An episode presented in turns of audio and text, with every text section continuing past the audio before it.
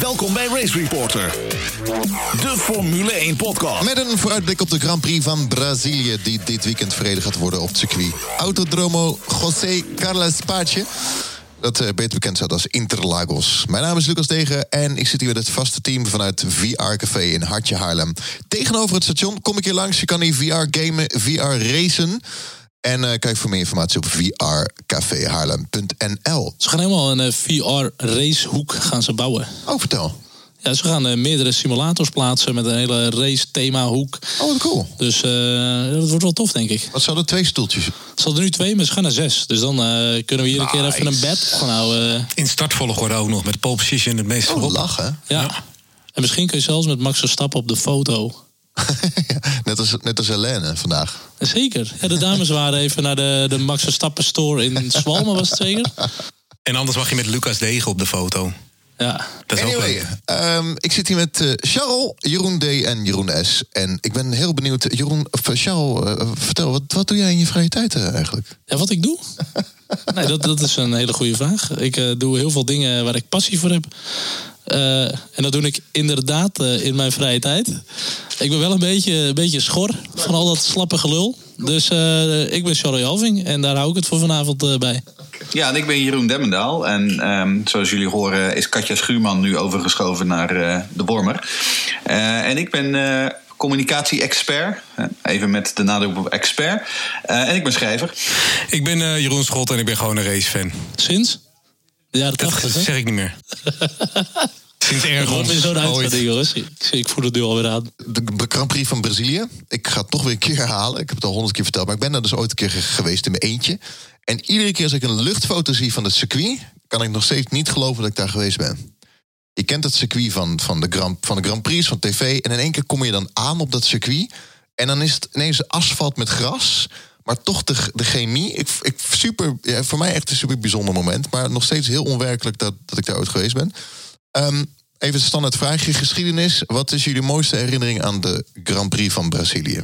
Uh, mijn mooiste herinnering zou zijn, ik denk de WK-ontknoping van 2008. Uh, waarbij uh, binnen een minuut tijd zowel Felipe Massa als Lewis Hamilton wereldkampioen was. Ehm, dat vond ik totale waanzin. ik bedoel, we... dat, het is dat Blak momentje van Timo Glock die in één keer in de ene laatste bocht oh, ja, ingehaald Glock? werd. Ja, exact ja. ja en, en vooral Felipe Massa's papa die zeg maar helemaal uit zijn dak ging in de pitstraat... en vervolgens naar de monitor keek en zei, hè, wat, hè? Maar dat gun je toch niemand? Dus dat was prachtig. Ja, ik ben stiekem ben ik best wel van de leed van maken. Ik vond dat fantastisch. Dat je die vader helemaal blij zag. Tranen in zijn ogen. En uiteindelijk wist Waarom? je gewoon... Uh, ja, weet ik niet. Ik vond dat toch gewoon mooi hoor. Gewoon te vroeg juichen. Ja, dat... Uh... Ja, maar dat is, dat is ook gewoon mooie sport hè. Als je, als je, als je verliest. Net zoals dat uh, Rensenbrink toen op de paal schoot geloof ik in die WK-finale. Dat is ook zo'n zo moment. En dat was dit ook eigenlijk. Weet je, die hele familie Massa. Die ja. Ferrari-monteur die, die daar de boel... Flinke deceptie gewoon. Aan gort sloeg, aan gort sloeg en zo. Dat zijn ook wel echt historische momenten. Ook als je verliest. Als, als Massa nou wel... Laten we wel zijn ook. Ik bedoel, Felipe Massa, wereldkampioen. Dat klinkt toch gewoon niet, of wel? Nee, dat kan niet. Nee, nee dat kan echt niet. Wat als hij wel kampioen was geworden? Ja, dat kan niet. Gelijke hoogte met Damon Hill en Kimi Räikkönen. Ja, dat kan niet. Ja, dan had Lewis nu, pas, dat Lewis nu pas zijn 50 had. Dat kan ja, toch niet, jongens? Nee, dat is waar. Hey, maar um, ja, voor mij was het uh, het, uh, het driften van Max.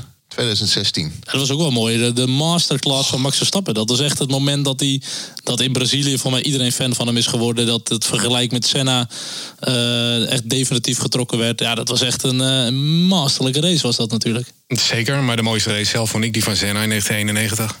Was zijn eerste zege in Brazilië. En uh, Mensen was eigenlijk sneller die dag en die zou hem ook wel even inhalen en al dat soort dingen meer. Maar die viel nog net even eerder uit door zijn versnellingsbak. Zijn eerste zegen of zijn eerste, zijn eerste zegen in Brazilië? Dat was zijn achtste jaar en zijn eerste zege in Brazilië. Okay, en uh, Menzel die joeg op hem, maar zijn versnellingsbak ging uiteindelijk stuk. Die Verzenna ging ook stuk, maar die, die kon nog wel eventjes doorrijden tot de finish.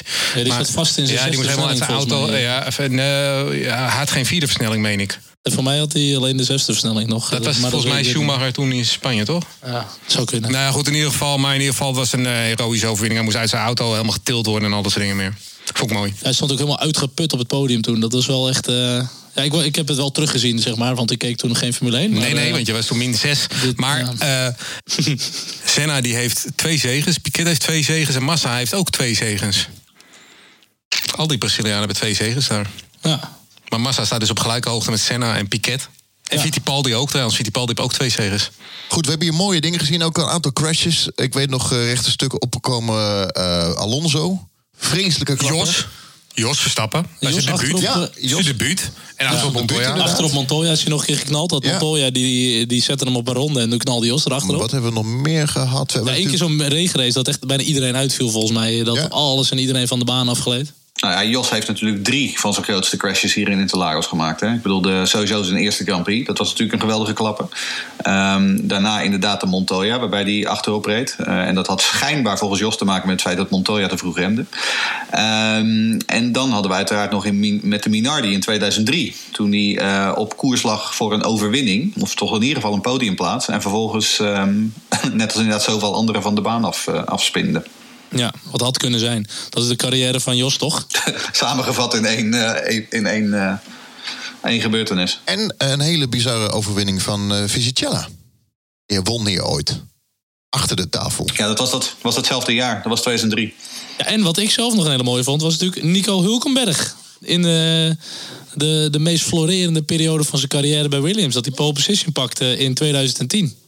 Op een opdrogende, opdrogend Interlagos. Ja, vanaf dat moment ging het alleen maar naar beneden. Voor Nico Hulkenberg. Zeker. En ik weet nog Wheelbanger, Montoya en Schumacher, eerste bocht. Ja, hard tegen En hard. ik weet nog Wheelbanger Verstappen in een Toro Rosso met Perez, tweede bocht 2015. Ja, wheelbangen met Ocon hebben we die al besproken. Dan kijken we even met de schuine oog naar Jeroen Scholten toe. Ja, dat was allemaal de schuld van Max. Het zijn twee eh, prodigies tegen elkaar. Ja, nee, ja, goed. Dat eh, is wel een eh, heroïsch moment, toch? In ieder geval Brazilië altijd wel vuurwerk. Eh, de weersverwachtingen geen regen, helaas. Maar, Jammer. Nou, op zaterdag misschien, hè? In de quali en op vrijdag in de vrijtrainingen. Maar daar ben ik nooit zo blij mee. Maar op zondag inderdaad niet, nee. nou, we hebben nog een vraag binnengekregen van Wouter de Ru- Ruiter. We hebben heel veel epische en dramatische Grand Prix op Interlagos gezien. Wat is jullie persoonlijke favoriete Grand Prix en waarom? Mm, ja, ik denk dat ik dan toch wel voor die van Max ga. Omdat hij inderdaad toen van echt relatief achter in het veld... eh, zelfs P2 volgens mij had nog had kunnen pakken. En als de race wat langer was... eh, Ja, hij heeft een misschien pitstop nog- gemaakt. Ja, Ja, ja, een beetje lang. Het was niet te handig Ja, op pitstop. en uiteindelijk gewoon de car control die hij had toen hij het rechte stuk opkwam en hem eigenlijk volledig verloor, maar toch uit die muur haalde. Ja, dat vond ik wel, eh, wel heel gaaf. Nee, ik ga voor 91, maar dat zei ik net al. Senna. Ja. Oké, Jeroen, En dan ga ik voor, ga ik voor 2008. Race Reporter, de Formule 1 podcast. kansen voor Max Verstappen dit weekend. Racereporter.nl Ja, wat verwachten we van Max Verstappen dit weekend? En ik denk dat het op zich wel een eh, redelijk goed weekend voor Max kan gaan worden. Hey, sowieso historisch gezien is hij nog nooit uitgevallen. Heeft al twee keer een podium gepakt. Altijd in de punten en ook altijd sneller dan zijn teamgenoten. Maar als je ook kijkt naar het feit dat Mercedes is nu kampioen. Eh Toto Wolff blijft lekker thuis. Hamilton is kampioen. Eh, Ferrari, die, het kan zomaar zijn dat als ze inderdaad vals spelen, zoals Max zegt, dat die hier nog weer wat snelheid gaan verliezen. Dus in theorie kunnen ze gewoon makkelijk het tweede team zijn. Misschien wel het snelste team. Eh, Honda had natuurlijk nog wel wat versere motoren in de, in de pool. Ja, ik denk dat ze, dat ze zeker meedoen op het podium en misschien wel om de overwinning. Ja, dat denk ik ook, ja. Ehm, als het nou toch een keer moet gebeuren na die zomerstop, dan hier maar. Ehm, ik bedoel, het is altijd een wat je zegt, altijd een goede baan geweest van Verstappen. Dus eh, ja, ik heb goede hoop. Op een podium heb ik zeker hoop, ja. Op een over- overwinning, dat weet ik niet zozeer. Maar een podium moet zeker kunnen. Nee, maar de druk bij Mercedes is er ook wel een beetje af. En ik denk dat Ferrari eh, er niet aan te pas gaat komen. Ehm, en Red Bull wil gewoon het seizoen, denk ik wel, sterk eindigen. En, En Ocon rijdt niet, hè, dit jaar. Ocon kan hem niet van de baan afrijden. Maar ik, Ja. ik denk wel dat eh, Bottas de laatste twee heel graag wil winnen, natuurlijk. Ja, en er is niet. Nee. Goed. Ah, en Bottas heeft ook een plan, hè? zo zei hij vandaag. Oh Hij jee. heeft Een plan om eh, Hamilton te verslaan volgend jaar. Oké, en wat is dat plan? Om sneller te Het zijn. plan is dat hij heel erg gaat focussen op sneller zijn. En op minder fouten maken. Oké. Ik, ik, ik vind het revolutionair. Revolutionair. Volgens mij heeft hij dit jaar één fout gemaakt. Dat was in eh, Duitsland, voor mijn neus. En eh, Ja. voor de rest heeft hij volgens mij geen fouten gemaakt. Dus dat gaat wel lukken. Maar dat sneller zijn, Maar hoe gaat hij dat dan precies doen eigenlijk? Ja, Ja, wint mee. Ja, Ja. inderdaad. Ja, de legendarische uitspraak van Ron Dennis is ook... To finish first, first you have to finish in front of Hamilton. Dus dat wordt gewoon zijn strategie, denk ik. ja nou, exact. Ja. Maar we dachten dit jaar al dat wij een soort van Rosbergjaars gingen hebben voor Bottas. Weet je wel, dan hadden we de Bottas 2.0. Nee, dat dachten we, we dachten dat niet hoor. Eh, jij niet, maar jij hebt natuurlijk een soort van glazen bol en jij weet alles. Ja, dat is waar. Ehm, maar de, de, de gewone volgers, zeg maar, en liefhebbers, die dachten wel van, nou, dit zou zomaar een. eh, Nee, Bottas, Bottas wordt never nooit wereldkampioen. Nee, Bottas ja. is echt wel een klasse minder dan Rosberg was. En Rosberg had dat jaar ook nog wel eens heel erg de wind in de rug. Ja. Maar die is ook gewoon Even beter. opzij één keer, hè? Zoals dat USA, vloog die van de baan. Ja, ik had de wind van opzij. Ja, klopt. Echt de grootste smoes die ik 1 coureur ooit heb horen zeggen. Ehm, fuel Flow Gate. Je zei het net al, als Ferrari aan het vals spelen is. Ferrari Fuel. ehm, ja, gaan ze hier sneller of langzamer? We gaan het zien. Want ze zeggen zelf dat ze helemaal niks veranderd hebben. Nou, dat wordt wel een belangrijk ding inderdaad. Ik lees net dat ze wel met twee verschillende voorvleugels gaan testen in de, in de race, of in de vrije training. Vettel met wat minder vleugel. Eh, ja, die, die sector 3, en normaal gesproken, als je aan de hand van de laatste paar races kijkt, dan zouden ze daar gewoon eh, 17 van een seconde of zo moeten winnen. hè. Dat is een heel lang rechtstuk met ook nog eens heuvel op. En eh, het is wel heel erg interessant om te gaan zien of ze dat gaan. Gaan, eh, of ze dat ook voor elkaar gaan krijgen. Ja, en Verstappen die heeft onderhand al eh, die heeft gezegd, zag je net op het AD, dat hij het F-woord eh, gaat vermijden dit, jaar, eh, deze, dit weekend. En het is dan niet fuck, maar Ferrari. En, eh, en Vettel noemt hem al, heeft hem al onvolwassen genoemd, nog voor dit weekend. Dus eh, al met al, eh, ja, Ferrari houdt gemoederen behoorlijk bezig, ja. Heeft, heeft Pinotto Horner nog aangeklaagd eigenlijk? Want dat Nee. die doen, hè? Dat zei hij toen. Dat zei hij toen wel dat hij dat zou gaan doen, maar dat is niet gebeurd inderdaad. Ondertussen is er wel weer zo'n nieuwe technical directive gekomen. Hè. Is een verbod op brandbare vloeistof gekomen vanuit intercoolers, ERS of luchtverzamelaar naar de verbrandingskamer. Dus dat mag ook niet meer. Dus die regels die worden steeds, eh, ja, die kaders ja, worden, worden steeds krapper. Maar de Fiat doet dit ook niet zomaar tijdens een seizoen. Dan moeten er wel echt concrete vermoedens zijn Nou, dat iemand dit doet. Ik weet ook niet of. eh kijk, Red Bull had de vorige keer natuurlijk een soort van eh, brief geschreven, geloof ik, een verzoek gedaan of zij dat ook mochten doen. Dat was het verhaal. Maar voor deze weet ik dus niet of, of Red Bull hier iets voor gedaan heeft of de via een spontane actie had. Ik begrijp ook dat er eh, nog meer van die technical directors, eh, directives worden verwacht. Ja, Dus het is wel heel bijzonder allemaal. En als Ferrari niks eh, verkeerd doet, dan vind ik het toch wel een hele gekke situatie die nu ontstaat eigenlijk. laat ik zo zeggen, als ze dit weekend ook niet super snel zijn, dan is de kans toch vrij groot dat ze wel iets deden wat niet helemaal mocht. Nou, vooral op die rechte stukken. En Leclerc heeft nu weer een nieuwe motor. En ook een teamplekken gridstraf trouwens. Maar die krijgt nu weer een nieuwe motor. Dus ja, we gaan het zien. Nou ja, nogmaals, eh, als ze het dit weekend wat minder doen, dan is dat wat mij betreft geen bewijs dat ze iets gedaan hebben wat niet mocht. Dat is gewoon bewijs dat er een grijs gebied in de wetgeving was. En dat grijze gebied is nu uit de wetgeving gehaald. Daar hebben we het in onze vorige podcast ook al over gehad. Ehm, we hebben overigens wel nog een vraag van Maaike over eh, die nieuwe directive van de FIA. Eh, en Maaike die vraagt: Heeft Ferrari nu niet een gigantisch probleem in de aanloop naar seizoen 2020? En gaan Red Bull, Honda en Mercedes hier automatisch van profiteren in de aanloop naar seizoen 2020? Ehm, ik denk niet dat Ferrari een gigantisch probleem heeft. eh, want Ferrari heeft ook zonder de trucendoos open te trekken... eh, gewoon natuurlijk een goede motor. Ehm, maar ja, als, wat betreft die voorsprong die ze eh, qua snelheid hadden... eh, na de zomerstop, ja, die zal natuurlijk wel minder worden. Ehm, en qua Honda, ja, Honda, we hebben het, al, we hebben het allemaal vanaf het begin gezegd. Dit is nog steeds het ontwikkelingsjaar voor Honda. Dus ja, je mag hopen dat ze volgend jaar wel competitiever zijn. Ja. Ja, in dat opzicht denk ik ook dat ze wel echt wel stappen hebben gemaakt bij Honda. Ik bedoel, betrouwbaarheid is gewoon eh, echt wel heel goed geweest dit jaar. En qua PK's hebben ze het gat wel wat meer weten te dichten. En ook als je naar de Renault kijkt, waar ze eerst echt gigantisch achter zaten, eh, heeft de Renault die stappen nog niet gemaakt. En ehm, ja, ik ben wel benieuwd wat 2020 gaat brengen voor Red Bull. De titel denk ik niet dat het zomaar in zicht is, maar ehm, er zijn wel stappen gemaakt. Alle circuits moeten op hoogte zetten. En doet die Honda het goed. Ja, Dat, wat dat betreft, Interlagos is ook wel wat hoger dan de meeste. Hè? 750 meter of zo. Dus, En de Red Bull Ring? Eh, Red Bull Ring ligt ook op 700 meter. Maar Mexico ligt op 2200 meter. Dus dat is wel echt fors hoger dan deze. Race Reporter, de Formule 1 podcast. Wat valt er nog te winnen de komende twee races? De strijd om plaats 6. Toro Rosso heeft eh, 64 punten. En Racing Point heeft eh, 65 punten. In het eh, constructeurskampioenschap, dat is correct, ja. Ehm, ook in het rijderskampioenschap zijn er nog wel wat strijden eh, te vechten. Uh, Vettel heeft 230 punten, Verstappen heeft 235 punten en Leclerc heeft 249. Dus dat is een dingetje. Um, Sergio Perez kan nog wat klimmen als hij wil. Uh, die kan nog Daniel Ricciardo voorbij enzovoort. Maar inderdaad, laten we kijken naar um, Toro Rosso en uh, Racing Point. Nou, we weten inmiddels dat bij Toro Rosso allebei de, de, de jongens ook voor volgend jaar blijven. Dus die druk die is eraf. Gasly en Kwiat kunnen nu wat rustiger en wat vrijer gaan rijden. Want die weten nu wat ze gaan doen volgend jaar. en bij Racing Point hebben ze natuurlijk in principe alleen Sergio Perez. Want ja, uh, ons grootvriend Lance Stroll uh, die geeft niet altijd thuis. Dus ja, ik zou uh, Toro Rosso goede kansen toedichten om inderdaad die zesde plek over te nemen. Wat overigens opmerkelijk is, is dat Lance Stroll nog steeds niet officieel bevestigd is door Racing Point. samen met Latifi bij Williams is hij de enige. Ik weet niet uh, of we kunnen hopen dat Lance Stroll van volgend jaar ontslagen wordt. Maar... En toch op de meeste lijstjes die je ziet uh, van websites die een beetje bijhouden welk stoeltje nog vrij is en welk niet, staat overal Lance Stroll. Dus iedereen die weet het wel en die is alvast zo vrij om het alvast even in te vullen. Nee, hij wordt automatisch inderdaad alvast ingevuld. Maar officieel hebben ze nog geen persbericht naar buiten gebracht waarbij Lance Stroll uh, 2020 in die auto zit.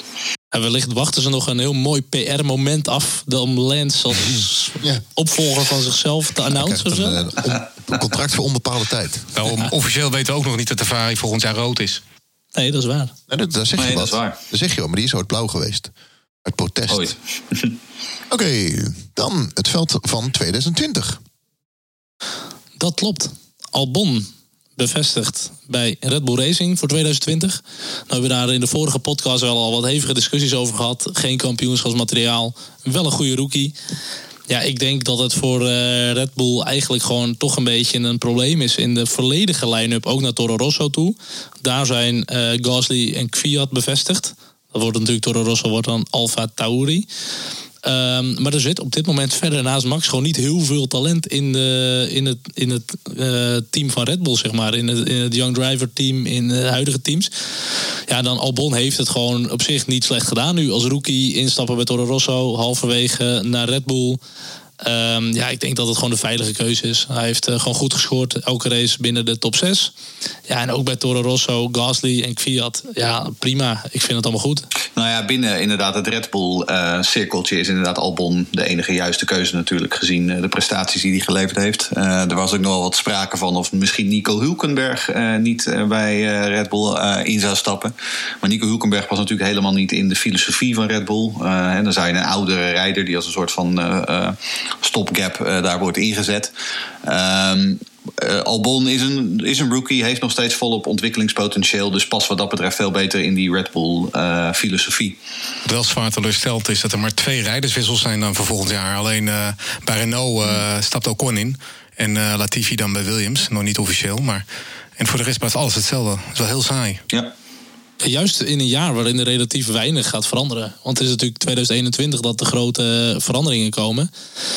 Uh, dan verwacht je dat ze nu misschien nog wel wat moves gaan maken. En dan. Uh, maar goed, misschien 2021, hè, dat als er dan een grote regelwijziging. Veel contracten lopen dan af. Volgens mij, ja, veel contracten ja. lopen af. En er wordt ook al voorspeld dat de silly season volgend jaar extra vroeg gaat beginnen. Dus waarschijnlijk januari al. Uh, dat de wildste geruchten weer op gang kan komen. Maar goed, ja, kijk, voor, krijgen het druk. Maar goed, voor een Red Bull, je kan inderdaad kijken of je Vettel kan verleiden. Of dat je Alonso kan terughalen. Maar ook dat zet in dat opzicht niet echt zo aan de dijk. Ze moeten ook uh, gaan bouwen op de toekomst. Ja, dit is op dit moment het beste wat ze hebben. Race Reporter, de Formule 1 podcast. Dan, daar is hij weer, de snelle nieuwsronde.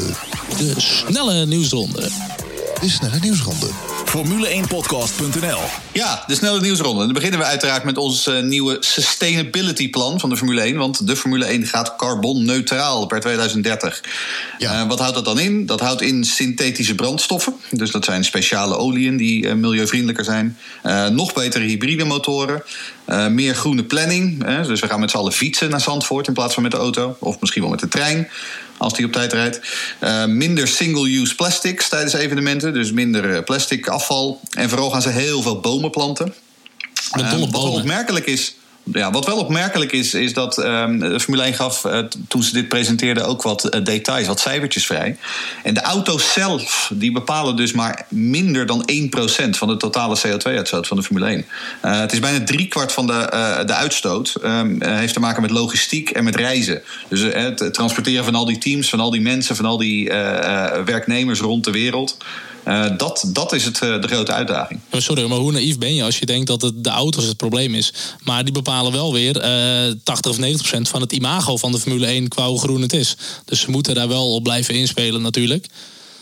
Maar daarom is het ook goed dat ze nu open, openheid van uh, zaken geven. En inderdaad gewoon uit, uitspellen zeg maar, waar het probleem ligt. Um, ik denk in die zin, uh, uh, dit is niks wereldschokkends. Maar in principe is het gewoon in het huidige klimaat is dit een goede stap. Ja, volgens mij als je dit ook naast voetbal-evenementen legt, zoals de Champions League of zo, dan valt de Formule 1 echt nog best wel mee. Um, en ik heb wel eens uh, de link gelegd ook naar de Formule E. En dat vind ik juist wel zo interessant daar. Is dat ze die sport ook naar de fans toe willen brengen. Ze brengen de races naar de stad. En dat scheelt natuurlijk ook heel veel qua fans die moeten reizen met de auto, met vliegtuig, uh, whatever. Uh, en dat is misschien ook voor de Formule 1 voor de toekomst. ook wel inderdaad wat meer in Miami en dat soort steden. Ja, dat brengt de sport naar de fans. Het enige is natuurlijk dat Miami in 2030 onder water staat. Maar goed, dat is het enige detail. ja, als antwoord ook. oh, ik uh, lachte niet. Goed. Uh, Toto blijft thuis sinds 2013. Toto Wolf die uh, thuis blijft voor het eerst sinds 2013. Uh, de reden dat hij er niet is, dat heeft te maken dat hij zich gaat voorbereiden op uh, de komende twee seizoenen. Het is uh, een vrij drukke aanloop naar 2020 en ook alvast 2021 wanneer ze aan de budgetcap gaan zitten. Dus ik denk dat hij op een fabriek wat meer werk te verzetten heeft. En dan Eddie Irvine. Die heeft uh, gezegd dat Sebastian Vettel onwaardig is als viervoudig wereldkampioen. Heel Twitter en dan vooral de, de Vettel-helft van Twitter, die viel over hem heen. En die wist allemaal te melden dat, het, uh, dat Irvine maar vier races heeft gewonnen en Vettel een heleboel. Ja, dat is allemaal wel waar. Maar uh, Irvine mag desalniettemin gewoon een mening hebben. En die mening is ook niet helemaal onterecht. Want ik vind dat uh, Vettel ook. Uh, nou, de vier wereldtitels flatteren hem wel een klein beetje, denk ik. Ik denk dat hij één of twee wereldtiteltjes zou beter bij hem passen. Ja, hij heeft het toch echt al gewonnen. Ja. En dan was in die periode gewoon de beste. En klaar. Ja, dat kan. Maar Irvine mag dat vinden, toch? Nou goed, uh, iemand, iemand, die ook kritisch is uit dezelfde tijd dat ze uh, tegen elkaar raceten. Villeneuve heeft ook uh, wat, uh... Ja, die geeft aan dat uh, Hamilton aan het nadenken is voor een move naar Ferrari. Dat hij daar ook inderdaad weer wat, uh, wat extra uitdaging kan vinden. Um, hij, wil, hij wil natuurlijk Schumacher zien te evenaren. Eind 2020 loopt het contract af. Dus het zou natuurlijk best kunnen dat, dat Lewis de, het hoogtepunt van zijn carrière bij Ferrari wil gaan behalen. En zich in dat opzicht echt onsterfelijk wil gaan maken. Ik geloof er helemaal niks van. Ik hoor het vaker. Maar wat is nou zijn doel? Voor Ferrari rijden of nog twee keer kampioen worden bij Mercedes? Twee keer kampioen worden bij Mercedes.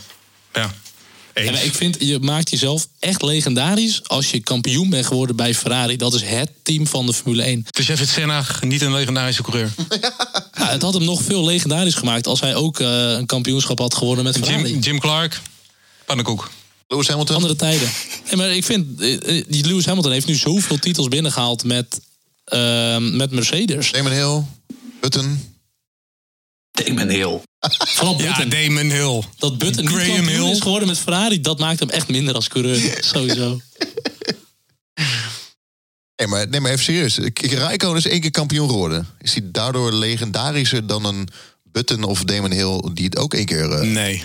Nee, maar ik bedoel ja, niet puur als je bij Ferrari kampioen wordt. legendarischer dan heel. Maar als jij zo'n lange Tuurlijk. carrière hebt en zo'n uh, succesvolle carrière, dan zie je het je wel als je ook bij Ferrari nee, kampioen kan worden. Want uh, sorry hoor, met die huidige dronken baviaan. Als jij bij Ferrari kampioen kan worden, dan ben je echt groot. Ja, we gaan het zien. We gaan kijken of we gelijk hebben. Maar goed, de, de, de uh, geruchten rommelen al langer dat hij naar Ferrari gaat. Over Ferrari gesproken. Uh, Felipe Massa, die was ook kritisch uh, deze week. Ja, dat is de volgende in het rijtje. Voormalig Formule 1 coureur met een mening. Uh, Felipe Massa heeft gezegd... Charles Leclerc kan eerder kampioen worden dan Max Verstappen. Um, en ja, dat kan. Dat kan ook niet. Uh, alles kan.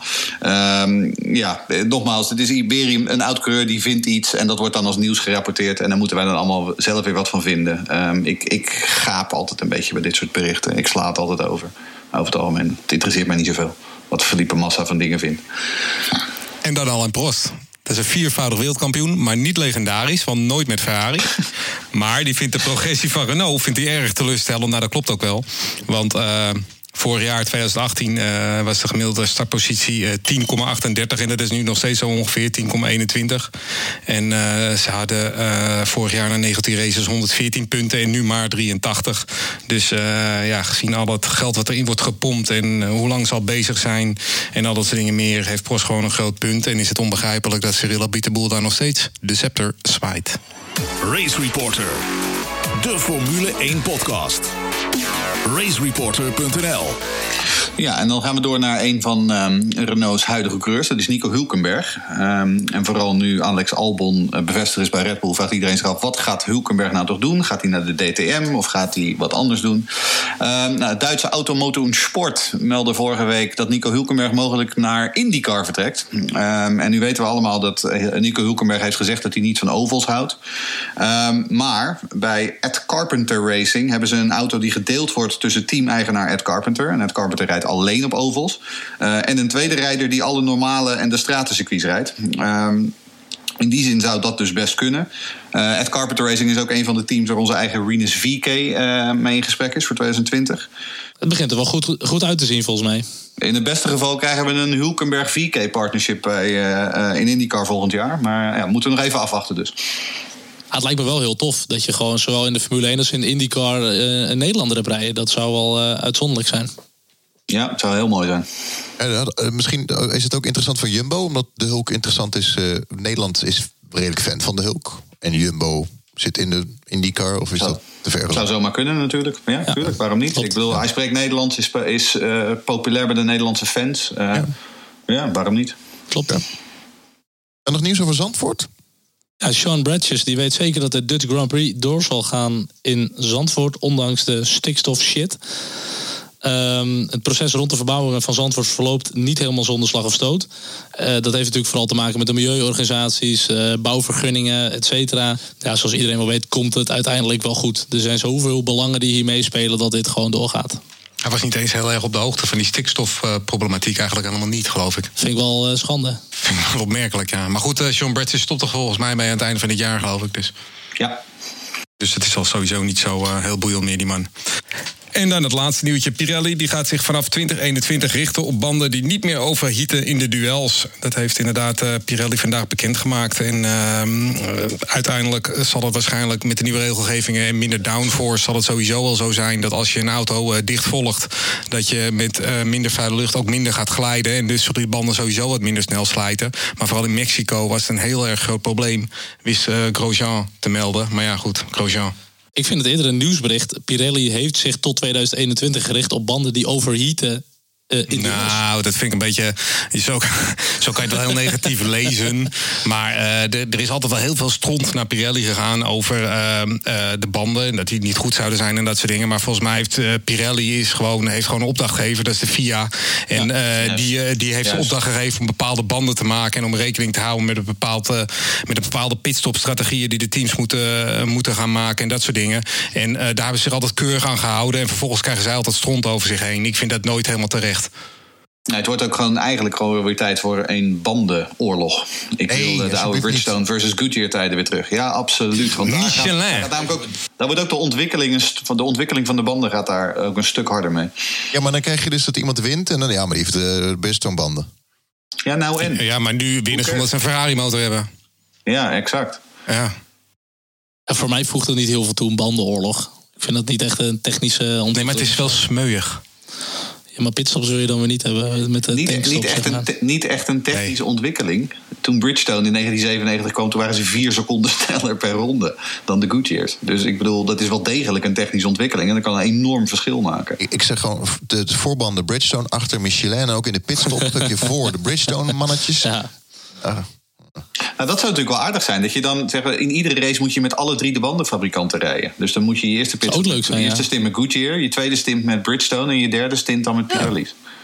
En ik vind een band waar je hard op kan racen, dat lijkt mij per definitie qua imago niet iets wat, uh, waar de, de wegauto's iets van hebben, zeg maar.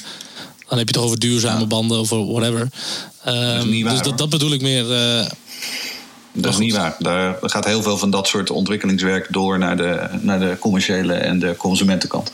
Oké. Vraag maar aan Firestone. Race Reporter, de Formule 1 podcast.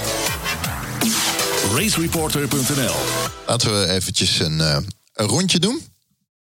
Voorspelling. Ah voor ja, we gaan voorspellen. weekend. We gaan voorspellen. Ja, Nou, ik, eh, ik, ga het weer, ik ga het weer zeggen. Max Verstappen gaat weer winnen. Net als de voorgaande drie keer. Want toen heb ik het ook geloof ik voor, voorspeld. Ehm, en dan wordt onze grote vriend Bottas tweede. En Hamilton wordt derde. En tiende wordt eh, de man zonder contract, Lance Stroll. Oké. Nou, ik denk dat Bottas gaat winnen. Die eh, gaat Hamilton even te grazen nemen. Verstappen tweede. Hamilton derde. En tiende Perez. En ik denk dat eh, Vettel gaat winnen. En eh, tweede wordt eh, Bottas. En derde wordt Verstappen. En tiende wordt Lando Norris. Zijn jarig van de week, Norris. Eh, ik denk Bottas 1. Mm, Lewis 2. Verstappen 3. En Norris 10. Waar ik trouwens nog wel even benieuwd naar was. Hebben jullie ook nog steeds het gevoel dat, dat de Braziliaanse Grand Prix op Interlagos... dat dat eigenlijk de laatste Grand Prix Ja. van het jaar hoort te zijn? Ja. Voor mij is dat echt nog Ja. de oldschool seizoensafsluiter, zeg maar. Ja, nou, voor mij is het de oldschool seizoensbeginner, eerlijk gezegd. Maar dat is wel heel oldschool, denk ik. dat is wel heel Dat is oldschool. weer een andere generatie. eh, Wanneer mijn was? Welk jaar was dat? Nou, jaren 90, begin jaren 90. Voordat, eh, toen Kia Lamy verdween in eh 93. Toen had je in 94, 95 was eh, Brazilië het begin. En toen in 96, toen nam Melbourne het over. Klopt, ja. ja. Volgens mij, ik heb gehoord dat Brazilië, dat eh, de feestjes daar te leuk waren aan het einde van het eh, seizoen. Dat eh, rijders eh, of, of- monteurs vliegtuigen eh, vergaten te behalen en dergelijke. Dat ze daarom, ik weet niet of het waar is hoor, maar dat ze daarom dat niet als laatste Grand Prix hebben gedaan van eh, seizoen. Kan, ik weet het helemaal niet. Ehm, we hebben nog wat vragen binnengekregen. Nog, nog, nog één vraag van Karin hebben we binnengekregen. Er valt weer van alles te lezen en te speculeren op Twitterland. Wat denken jullie van de combinatie van deze drie? Toto Wolff is er dit weekend voor het eerst sinds 2013 niet bij. De Formule E staat op het punt van beginnen. En last but not least zijn uitspraak dat Mercedes misschien na 2020 stopt met F1. Ja, ja wa- wa- wat moet je ervan denken? Eh, de, de uitspraak inderdaad dat Mercedes er eventueel mee zou stoppen naar 2020... dat was wel onder heel veel voorbehoudjes. Zei hij dat het niet uit te sluiten valt dat Mercedes ooit zou stoppen. Eh, veel meer dan dat was het eigenlijk niet. Dus... eh, Weer zo'n marketingmoment. ja, ik vond het sowieso al een, een, een non-uitspraak... wat dan door de media eruit gehaald wordt van... nou, Mercedes kan wel eens gaan stoppen. Ja, dat zou Mercedes kunnen, ja. Ik, eh, ik zie er niet zo heel veel achter eigenlijk... dat, eh, dat Toto Wolff eh, de- dit weekend niet bij is. Hij, is eh, hij is pas getrouwd, hij heeft eh, kinderen, geloof ik. Eh, hij is een lekker weekendje thuis. Zullen zullen wij dat een keer doen? Kan er een van, een van jullie een keer er niet bij zijn? En dan zeg ik, ja, het is nog, het is nog niet helemaal zeker of wij in 20, na 2020 doorgaan met deze podcast. Omdat, omdat Charles misschien naar de Formule E gaat. Maar eh, is dit gerucht ook niet een beetje de wereld ingeholpen? Omdat ook eh, Mercedes volgens mij in de toekomst meer teams gaat leveren dan dat ze eigenlijk mogen. McLaren. Door het gerucht kwam dat ze dan het eh, eh, zeg maar McLaren als een soort van fabrieksteam gaan hebben. eh, dat ze met hun eigen team eruit kunnen stappen en dan puur als motorleverancier. Ja, maar dat- Maar, maar Red Bull heeft ook gezegd dat ze misschien niet doorgaan. Maar dit- Ja, Ja, maar natuurlijk zou dat allemaal kunnen. Dat zou, ja, dat zou allemaal kunnen, ja. ja, het kan. Alles kan. Toe kan. Ik zoek er niet zoveel achter dat Toto Wolff lekker een weekendje thuis is. Nee, natuurlijk niet. Hij, is sinds de twen- tuurlijk niet. 2013 is hij, eh, is hij, er- is hij er, altijd bij geweest. Dus Ik ga er wel missen dat als Mercedes een dikke flater hebt, dat je Toto Wolff niet op de tafel ja, ziet ik, ho- ik, hoop dat die twee Die elkaar, eh, geniaal. dat die twee elkaar eh, in, in de haren vliegen ja, dit weekend bij de Mercedes. En wie gaat er dan op dat tafeltje slaan? Vanuit zijn huis. James Allison. Goed, ehm, doneer. Wil je doneren? Doe dat graag. Ga naar uh, f1podcast.nl slash petje af. Of gewoon via onze website racereporter.nl. Tot zover de voorbeschouwing op de Grand Prix van Brazil. Kwalificatie zaterdag om 7 uur. Dus bord op schoot of... Heerlijk. Zeker. Zeker. Ja. De start zondag 10 over 6. En eh, maandag nemen we een nabeschouwing op met Kai Piranha. En eh, heb je nog zo be- behoeftes aan Braziliaans? Iets? Rijst, bonen, mais? Eh, nee, Een dame? Nou, eh, nee. Oh. Ik sla over. Goed, ik ook. Like, share, doneer, reageer. Ga naar racereporter.nl. Volg ons op Facebook, Instagram en Twitter. Dank voor het luisteren. En eh, heel veel plezier dit weekend met de Grand Prix van Brazil. Inderdaad. Obrigado. Obrigado. Jazeker.